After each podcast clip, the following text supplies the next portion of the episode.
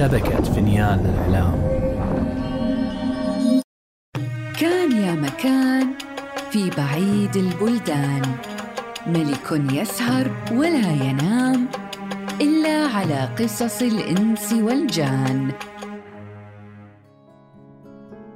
وبلغني أيضا أيها الملك السعيد أن أبا المظفر قد عاد إلى مدينة البصرة وقد اشترى قردا تبدو عليه قدرة عجيبة بالخمسة دراهم التي أعطيت له كرسالة من محمد الكسلان. فلما عاد إلى البصرة وصل الخبر إلى أم محمد التي ذهبت إليه وقالت له يا ولدي إن الشيخ أبا المظفر قد أتى ووصل إلى المدينة. فقم وتوجه إليه وسلم عليه واسأله عن الذي جاء به. فلعل الله تعالى يكون قد فتح عليه بشيء. فحمل محمد حاله من الأرض وخرج ومشى إلى ساحل البحر وهو يقول في نفسه لا طاقة لدي بكل هذا. ثم مشى وهو يئن حتى وصل إلى الشيخ أبي المظفر. فلما رآه الشيخ قال له أهلا أهلا بمن كانت دراهمه سببا لخلاصي وخلاص هؤلاء التجار بإرادة الله تعالى. وأعبطه ثم قال له تفضل خذ هذا القرد فإني اشتريته لك. وامضي به إلى بيتك حتى أجيء إليك فأخذ محمد القرد بين يديه وهو لا يدري ما الغاية منه ومضى وقال في نفسه قرد؟ هل هذا المتجر العظيم الذي أرادته أمي؟ ثم دخل بيته وقال لأمه كلما أنام تأمرينني بالقيام لأتجر فانظر بعينك هذا المتجر ثم جلس. فبينما هو جالس وإذا بخدم أبي المظفر قد أقبلوا عليه. وقالوا له هل أنت محمد الكسلان؟ فقال لهم نعم. وإذا بأبي المظفر أقبل خلفهم. فقام محمد إليه فقال له الشيخ سر معي إلى داري. فسار معه إلى أن دخل الدار فأمر أبو المظفر خدمه أن يحضروا بالمال فحضروا به. يا ولدي لقد فتح الله عليك بهذا المال من ربح الخمسة دراهم. ثم حملوا المال في صناديقه على رؤوسهم وأعطى الشيخ محمدا مفاتيح تلك الصناديق. وقال له هيا امضي أمام الخدم إلى دارك فإن كل هذا المال لك. هذا كله لي أنا؟ فقبل محمد الأرض بين يدي أبي المظفر وشكره. ثم مضى إلى أمه ففرحت بذلك وقالت لقد فتح الله عليك بهذا المال الكثير. فدع عنك هذا الكسل وانزل إلى السوق وبع واشتري. وحينها عزم محمد على ترك الكسل بالفعل لما شعر من امتنان. وفتح دكانا في السوق وصار القرد يجلس معه على مرتبته. فإذا أكل يأكل معه وإذا شرب يشرب معه وصار القرد كل يوم من بكرة النهار يغيب إلى وقت الظهر ثم يأتي ومعه كيس فيه ألف دينار فيضعه في جانب محمد ويجلس ها؟ ما هذا؟ كيف أتيت به؟ أنت بالفعل متجر عظيم ولم يزالا على هذه الحال مدة من الزمان حتى اجتمع عنده مال كثير. فعين الخدم والأعوان وغرس البساتين واشترى الدكاكين. وقد بدا عليه أنه ترك الكسل. فاتفق في بعض الأيام أنه كان جالسا والقرد جالس معه على المرتبة.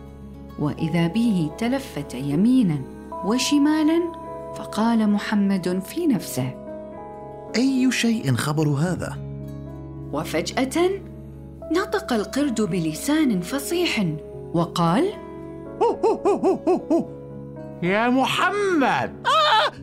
فلما سمع محمد كلام القرد فزع فزعا شديدا فقال له القرد الناطق لا تفزع يا صديقي فأنا أخبرك بحالي. إني مارد من الجن ولكن جئتك بسبب ضعف حالك. وأنت اليوم لا تدري قدر مالك وقد وقعت لي عندك حاجة. وهي خير لك. ما هي؟ أريد أن أزوجك بصبية مثل البدر يا صديقي. وكيف ذلك؟ آه، في غد. البس قماشك الفاخر واركب بغلتك بالسرج الذهب وامضي إلى سوق العلافين. واسأل عن دكان الشريف واجلس عنده وقل له إني جئتك خاطبا راغبا في ابنتك. فإن قال لك أنت ليس لك مال ولا حسب ولا نسب فادفع له ألف دينار. فإن قال لك زدني فزده ورغبه في المال. سمعا وطاعة. في الغد سأفعل ذلك إن شاء الله تعالى. فلما أصبح محمد لبس أفخر قماشه وركب البغلة بالسرج الذهب ثم مضى إلى سوق العلافين وسأل عن دكان الشريف فوجده جالسا في دكانه. فنزل وسلم عليه وجلس عنده وكان معه عشرة من الخدم. فقال الشريف لعل لك عندنا حاجة نفوز بقضائها؟ نعم لي عندك حاجة أيها الشريف. جئتك خاطبا راغبا في ابنتك. أنت ليس لك مال ولا حسب ولا نسب. فأخرج محمد له كيسا فيه ألف دينار ذهبا أحمر. وقال له هذا حسبي ونسبي فنعم الحسب المال. وما أحسن قول من قال من كان يملك درهمين تعلمت شفتاه أنواع الكلام فقالا إن الدراهم في المواطن كلها تكسو الرجال مهابة وجمالا فهي اللسان لمن أراد فصاحة وهي السلاح لمن أراد قتالا. فلما سمع الشريف منه هذا الكلام وفهم الشعر والنظام. أطرق برأسه إلى الأرض ساعة ثم رفع رأسه وقال إن كان ولا بد فإني أريد منك ثلاثة آلاف دينار أخرى. فقال محمد سمعا وطاعة. ثم أرسل بعض الخادمين إلى منزله فجاءوه بالمال الذي طلبه. فلما رأى الشريف ذلك وصل إليه قام من الدكان وقال لغلمانه أقفلوها. ثم دعا أصحابه من السوق إلى داره وعرف محمدا بابنته وقبلت الصبية عرض محمد فكتب الشريف كتاب محمد على بنته وقال له بعد عشرة أيام أدخلك عليها. فمضى محمد إلى منزله وهو فرحان فخلا مع القرد وأخبره بما جرى له فقال القرد نعم ما فعلت يا صديقي؟ فلما قرب ميعاد الشريف قال القرد لمحمد إن لي عندك حاجة إن قضيتها لي فلك عندي ما شئت يا محمد. وما حاجتك؟ إن في صدر القاعة التي تدخل فيها على بنت الشريف خزانة وعلى بابها حلقة من نحاس والمفاتيح تحت الحلقة. فخذها وافتح الباب لتجد صندوقا من حديد. على أركانه أربع رايات من الطلسم. وفي وسط ذلك طشت ملآن من المال. وفي جانبه إحدى عشرة حية. وفي وسط الطشت ديك أفرق أبيض مربوط. وهناك سكين بجانب الصندوق. فخذ السكين واذبح بها الديك واقطع الرايات واقلب الصندوق. وبعد ذلك اخرج للعروسة. ولكن ما حاجتك في ذلك يا صديقي؟ أنا أعلم ما لا تعلم. وإن فعلت ذلك ستجازيك المقادير. هل أساءك السماع إلي ابدا؟ لا بل جاءني الخير فقط. حسنا لك ذلك. سمعا وطاعة.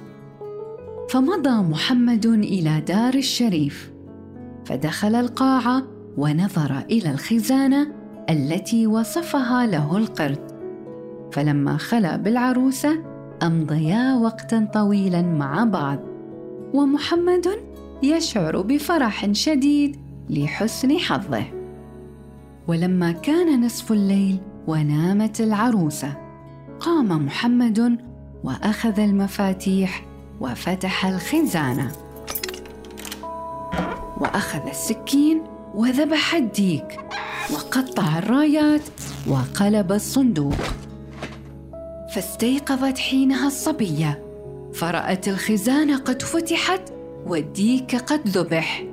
فقالت ماذا فعلت؟ لا حول ولا قوة إلا بالله العلي العظيم. قد أخذني المارد.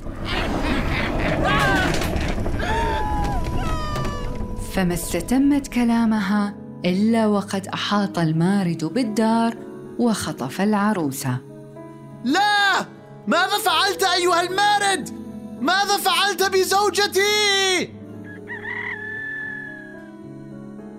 وأدرك شهرزاد الصباح فسكتت عن الكلام المباح.